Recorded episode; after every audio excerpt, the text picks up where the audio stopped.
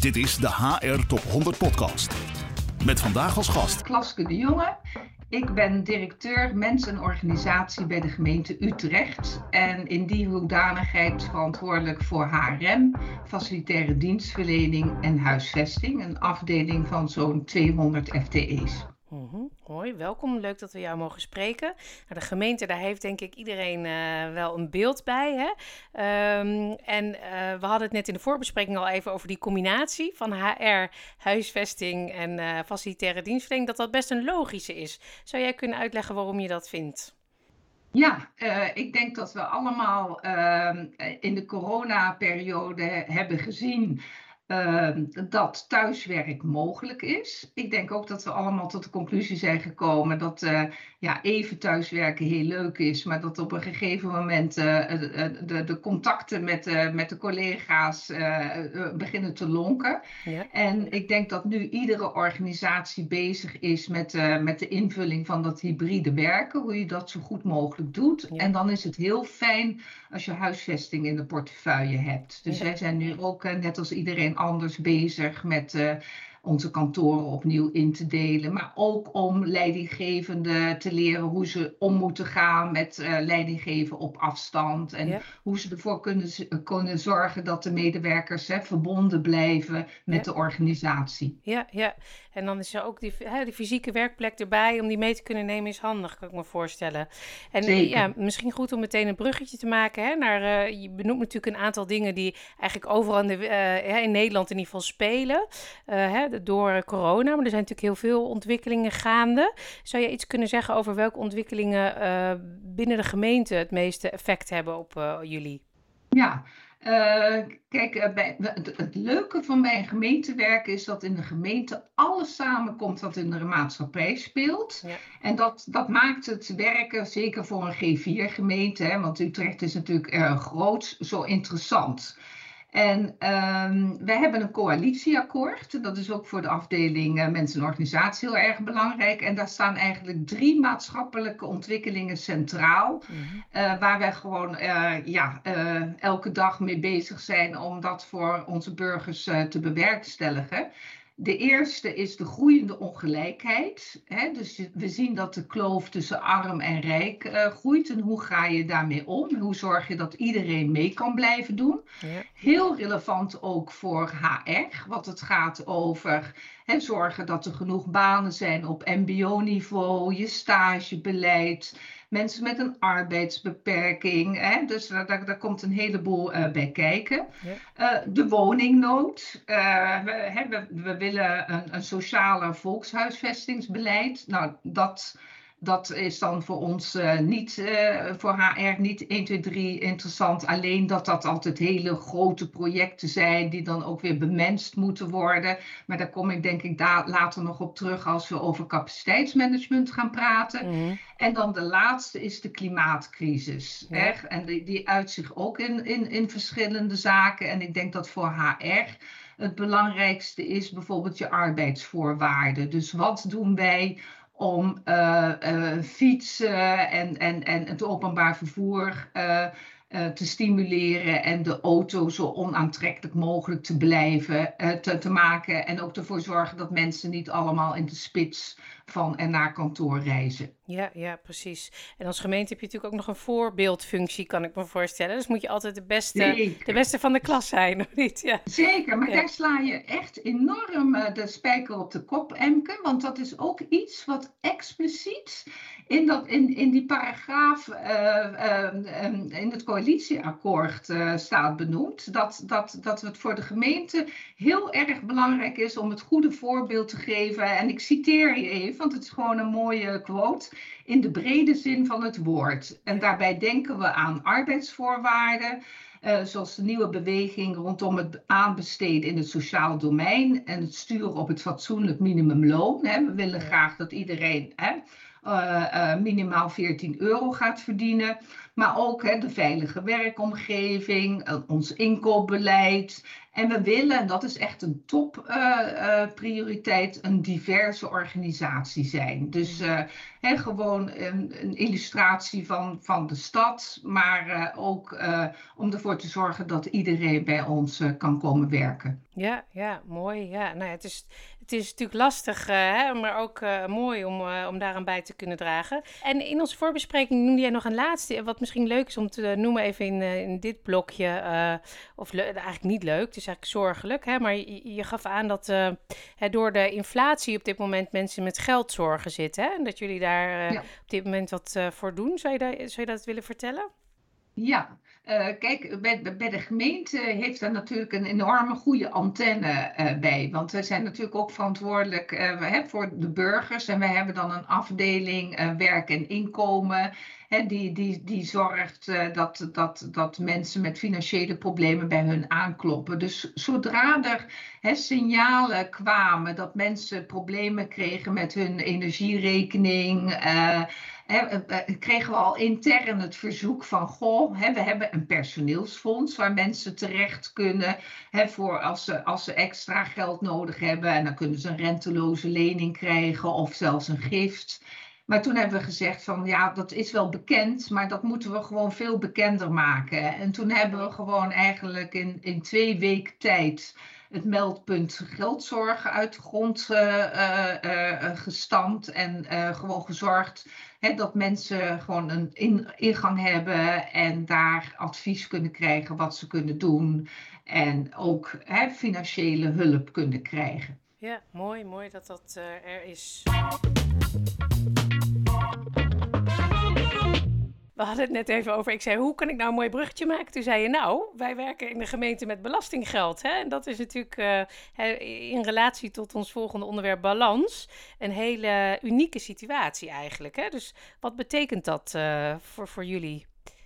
Ja, dat is, uh, dat, dat is inderdaad best een uitdaging. Want uh, je kan het, uh, het college en de gemeenteraad niet kwalijk nemen dat ze met, met name willen investeren in, in, in de realisatie van zichtbare uitkomsten in de stad. Ja. En, maar daarvoor heb je natuurlijk wel een ambtelijk apparaat nodig. En dat ambtelijk apparaat moet natuurlijk wel zo efficiënt mogelijk georganiseerd worden. Dus wij, wij, wij, zitten wat dat betreft wel elke keer onder een vergrootglas. Uh, hè, we zijn overheid, uh, we moeten gewoon eigenlijk op het scherpst van de snede organiseren. Als wij vinden dat we hè, capaciteit erbij moeten krijgen, dan krijg je dat niet zomaar. Er wordt een heel zorgvuldige uh, afweging van gemaakt. En daar hebben we gewoon zo, nog een hele methode eh, voor. Want iets, uh, als je krijgt makkelijker geld als iets een knelpunt is. Oh ja. En dan moet het uh, voldoen aan de drie O's. onoplosbaar, onoverkomelijk. en ik ben even de andere ook kwijt. Maar dat geldt dan bijvoorbeeld als er eh, wettelijke verplichtingen zijn. Bijvoorbeeld op gebied van privacy uh, en gegevensbescherming. En dan krijg je over het algemeen daar wel geld voor. Maar anders moet je wel elke keer wel een, een business case maken om te laten zien hè, dat, dat de investeringen in, in HR in, uh, renderen. Ja. Maar bijvoorbeeld een, een, een investering die wij onlangs goedgekeurd uh, hebben gekregen, is een extra investering in capaciteitsmanagement. Uh, want wij deden in Utrecht al wel aan strategische personeelsplanning, maar met name kwalitatief. Dus we, mhm. hadden, we brachten al wel in beeld van hè, wat zijn de talenten, uh, waar moeten we in investeren qua leren en ontwikkelen. Maar we brachten eigenlijk onvoldoende die, die gap, hè, dat, dat, dat gat um, tussen van wat hebben we nu en wat hebben we eh, over uh, twee jaar nodig in kaart. En dan mhm. hebben we gewoon toch geld gekregen voor, voor drie mensen op dat gebied, die op dit moment echt dat capaciteitsmanagement aan het uh, opzetten zijn. En dat is best wel lastig, want hè, je hebt data nodig en functiesegmentatie. En dus het is een, een, groot project waar we nu mee bezig ja, zijn. Ja. En hoe, hoe is het je gelukt om dat, om dat los te krijgen, dat dat kon? Ja, nou dat, dat is eigenlijk gelukt omdat we in de gaten hadden dat we te ad hoc aan het uh, recruiten zijn. Hè? Dus we worden als gemeente ook geconfronteerd met moeilijk invulbare uh, vacatures. En je wilt toch wat meer zicht krijgen over wat zijn de moeilijk vervulbare vacatures? Wat moeten we daar nu al voor doen? Moeten we zelf gaan opleiden? Wat kunnen we eventueel automatiseren? Uh, ook de doorstroom. Ik vind zelf dat dat beter kan bij Utrecht. Dat is nog iets wat we moeten aanpakken. Hebben we nou in beeld welke mensen eventueel wel kunnen doorstromen naar die moeilijk invulbare functies? Dus gewoon, we, we, realiseerden ons dat we te, eigenlijk op een te operationeel niveau uh, met, met, die, met die personeelsplanning bezig waren. We wilden dat gewoon echt strategischer gaan doen en we zagen daar de voordelen. We hebben daar de directie van kunnen overtuigen dat dat uh, voordelen zou hebben. Ja, mooi. En dus ook hè, naar de toekomst, uh, ja. op de toekomst gericht. Hè, van wat heb je dan Zeker. nodig? Ja. Um, zijn er nog andere dingen op dat punt balans die leuk zijn om te vertellen? Ja, wat ik wel leuk vind om te stellen, want dit is allemaal een beetje een bedrijfsvoeringsverhaal. Um, en wat, wat, wat ook een belangrijk speerpunt is uh, in mijn portefeuille is organisatieontwikkeling. Uh, en dat is ook echt chefzagge. Dus dat zit in de portefeuille van de gemeentesecretaris. En we hebben elke maand overleg daarover. -huh. En als je dan zegt organisatieontwikkeling, wat moet ik daarbij uh, voorstellen? is natuurlijk een heel breed containerbegrip. In Utrecht richten we ons met name op, op drie punten. Het opgavegericht werken. Hè. Als gemeente moet je een heleboel rollen vervullen. En hoe organiseer je nou het beste jezelf en alle stakeholders waar je mee moet werken om, om welke rol heen? Ja. Dus dat is een speerpunt. Het tweede speerpunt is leiderschap. Mm -hmm. Hè, en niet alleen uh, de twintig, maar ook uh, alle leidinggevenden binnen de gemeente. Dat zijn er 265. Mm -hmm. We hebben bijvoorbeeld hè, een, een, een, een profiel voor uh, een kijk op leiderschap met de competenties uh, waarvan we willen dat le leidinggevenden die hebben. En dan is de laatste is cultuur. En we hebben een aantal kernwaarden, waarvan scherp er eentje is. En, en we vinden zelf dat onze cultuur te vriendelijk is. Dus we willen eigenlijk een meer resultaatgerichte uh, cultuur. En we hebben nu ook een, een programma, we zijn nu bezig met het opzetten met een programma over hoe je meer scherpte en resultaatgerichtheid in de organisatie krijgt. En gaat dat dan om. Um dus uh, het resultaat soms boven de relatie te zetten? Of hoe, wat moet ik me dan nou, voorstellen? Nou, nou, wat we zeggen, dat je, je, je slaat spijker op de kop. Uh, je kunt best wel zacht op de relatie zijn en hard op de inhoud. Maar dat moet je ook leren. Hè? Mensen vinden vaak He, dat, die vinden het moeilijk om dingen te escaleren of om een conflict te hebben. Dus het is ook heel simpel mensen handvatten daar, uh, daaraan te geven. Hoe ga je om met feedback? Wat is de escalatieladder? He, je, je kunt zeggen tegen elkaar, we komen er niet uit. He, laten we het escaleren naar, naar onze leidinggevende.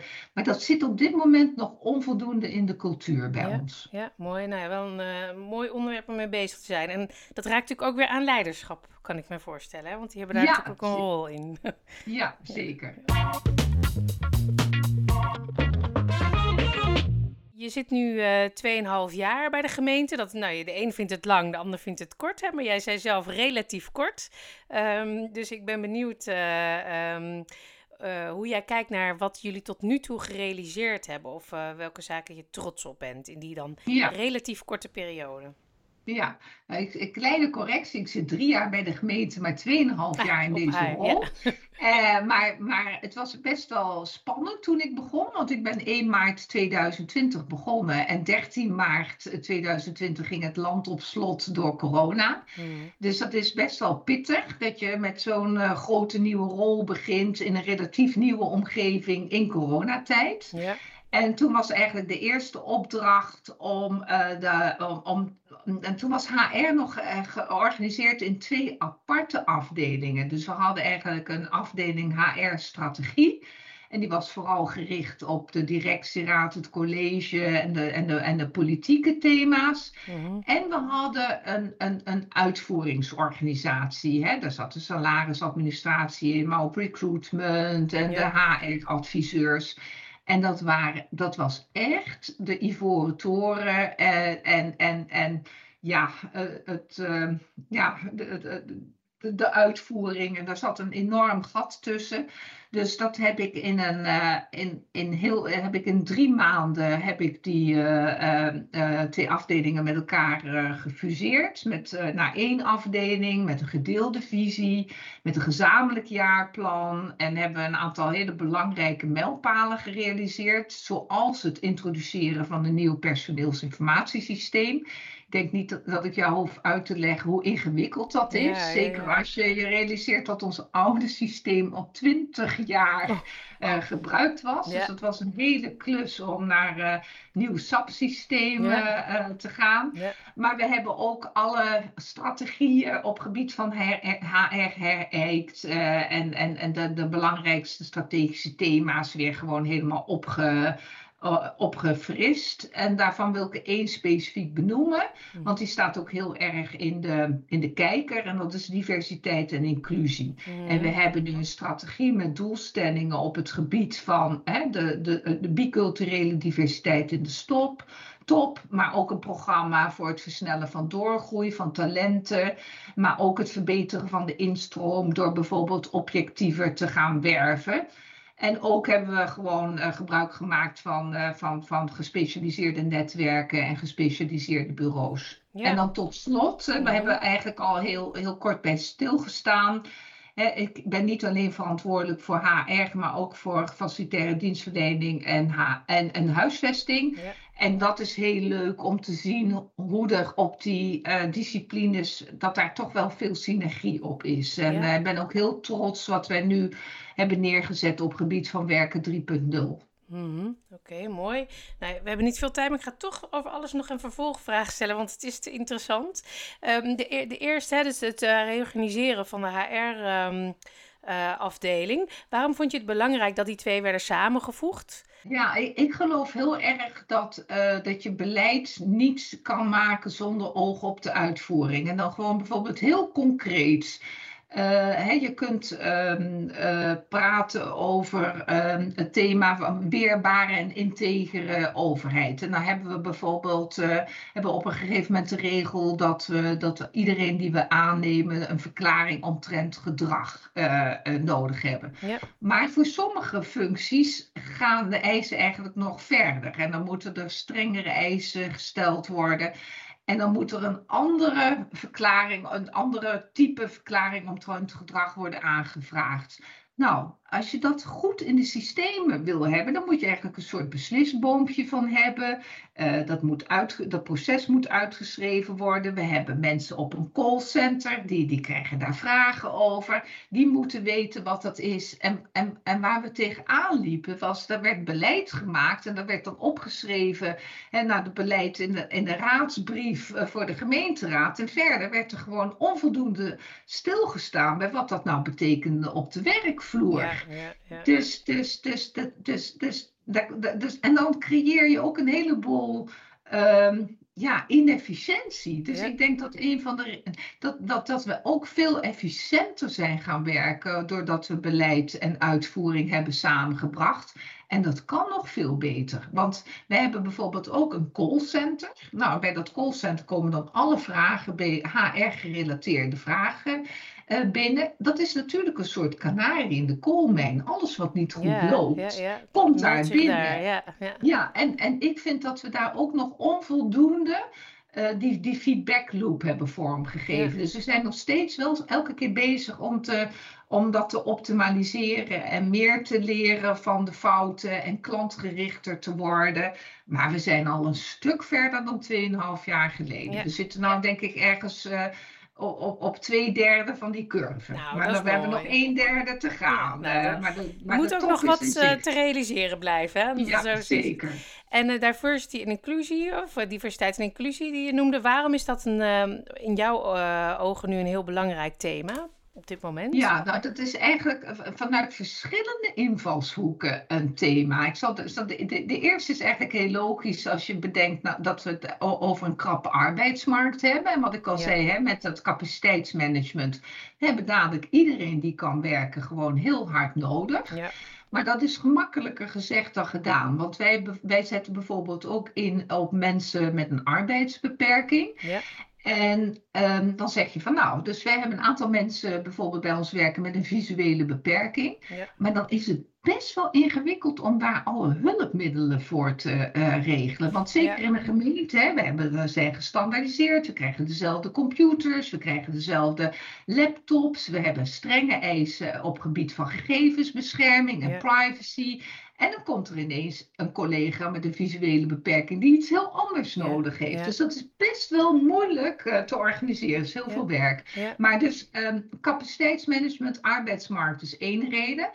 Een andere reden heb ik ook al aangegeven. Je wil gewoon eigenlijk een, een, soort afspiegeling zijn van, van, van de maatschappij. Dat hoeft niet per se de Utrechtse maatschappij te zijn, want die is over het algemeen jonger, hoger opgeleid en waarschijnlijk ook witter dan, dan het gemiddelde van Nederland. Maar je wil gewoon een plek zijn hè, waar, waar, waar, zeker als gemeente vind ik dat je daar een voorbeeldrol in hoort te vervullen. Dat is de tweede. En de derde is, en dat is nu een heel actueel uh, thema, hè, dat institutioneel racisme. Mm. Wat eigenlijk het uh, geval is geweest bij de toeslagenaffaire met, met de kinderbijslag. Um, als je eigen organisatie niet divers en inclusief is, dan is dat, dan is dat ook niet, dan, dan, dan ben je daar niet scherp genoeg op. dus je moet zelf, ja. dus je moet zelf dat, ook je eigen systemen hartstikke goed in beeld hebben, zodat mensen zich ook uh, daar, daar, daar, daar beducht op zijn. Ja, uh, Dus, dus wat dat betreft hebben we heel erg een voorbeeldrol. Dus die drie invalshoeken zijn heel belangrijk voor mij, voor diversiteit en inclusie. Nou, helder uh, dat, dat, dat dat ook belangrijk is. Ja, mooi omschreven. En dan als laatste die 3.0 werkplek. Hoe ziet die eruit? Of wat is daarvan belangrijk? Ja, nou, dat, dat is best een, een, een, eh, een ingewikkelde. Want je krijgt uh, de laatste tijd, uh, lees je steeds meer, ja, het kantoor wordt een clubhuis. En dat moet je eigenlijk alleen maar herinrichten omdat mensen daar komen om te ontmoeten en te vergaderen. Maar dat is natuurlijk veel te kort door de bocht. Want niet iedereen woont om de hoek en kan heen en weer naar huis lopen. Omdat hij twee uur op kantoor gaat vergaderen. En daarna een uurtje, hè, zoals wij nu doen, uh, gaan zitten teams uh, in een bilateraaltje. Dus je moet dat kantoor toch inrichten dat al die functies mogelijk zijn. Ja. Dus wij hebben dat heel uh, systematisch aangepakt. Dus wij hebben een, uh, een werkstijlonderzoek gedaan. Dus wij weten gewoon he, hoe mensen werken en waar ze behoefte aan hebben. En, uh, en we zijn dat nu aan het doorvertalen aan, naar werkplekconcepten. En we willen natuurlijk toch naar een situatie eh, dat, je op kantoor bent wanneer dat nodig is. En dat je thuis werkt wanneer je je moet concentreren. Uh, en als je dan heel kort door de bocht kijkt, dan kom je toch uit op uh, 60, uh, ja, dus, nou, 50-50. Dus 50% ja. van de tijd zit je dan op kantoor en 50% zit je eh, eh, thuis. Maar dan heb je natuurlijk wel de uitdaging dat je niet met z'n allen op dinsdag en donderdag op kantoor moet zitten. Al die parttimers, dus, dus, ja. ja. dus dat spreiden is ook nog wel een, een, een uitdaging. En daar heb je, vind ik als leidinggevende ook een voorbeeldrol. En bijvoorbeeld onze directieraad die vergadert veel op woensdag. Die, die zorgt ook dat de vergaderingen op vrijdag uh, gepland worden. Dus je kunt daar ook wel omheen organiseren, zodat je niet altijd op die piekdagen gaat zitten. Ja, ja mooi. Ja. ja dus, maar dat is meer vanuit het facilitair gedacht. En ja. verder zijn we gewoon erg bezig hè, met uh, gewoon zorgen dat leidinggevenden hè, weten hoe ze op afstand moeten aansturen. En, en is het net zoals iedereen de uitdaging gewoon om die binding met die organisatie te houden. Dus mm. Het ja. belangrijk om te borrelen, nou, om te, nou, borrelen niet alleen, maar om iets leuks uh, op kantoor te doen met z'n allen. Ja, ja, helder. Nou ja, ik, ben heel, ik, ik heb eigenlijk nog heel veel vragen, maar we zijn eigenlijk al ruim over de tijd. Dus we moeten helaas een eind aan breien. Maar ik kom heel graag over een paar jaar bij je terug om te horen hoe, uh, hoe dat 3.0 werken dan uh, uiteindelijk vorm heeft gekregen. En natuurlijk ook hoe het uh, nieuwe coalitieakkoord invloed heeft gehad op jullie strategische doelstellingen. Dus heel erg bedankt voor het delen van je visie. En heel graag tot een volgende keer. Dankjewel, Emke. Tot de volgende keer. Dit is de HR Top 100 Podcast.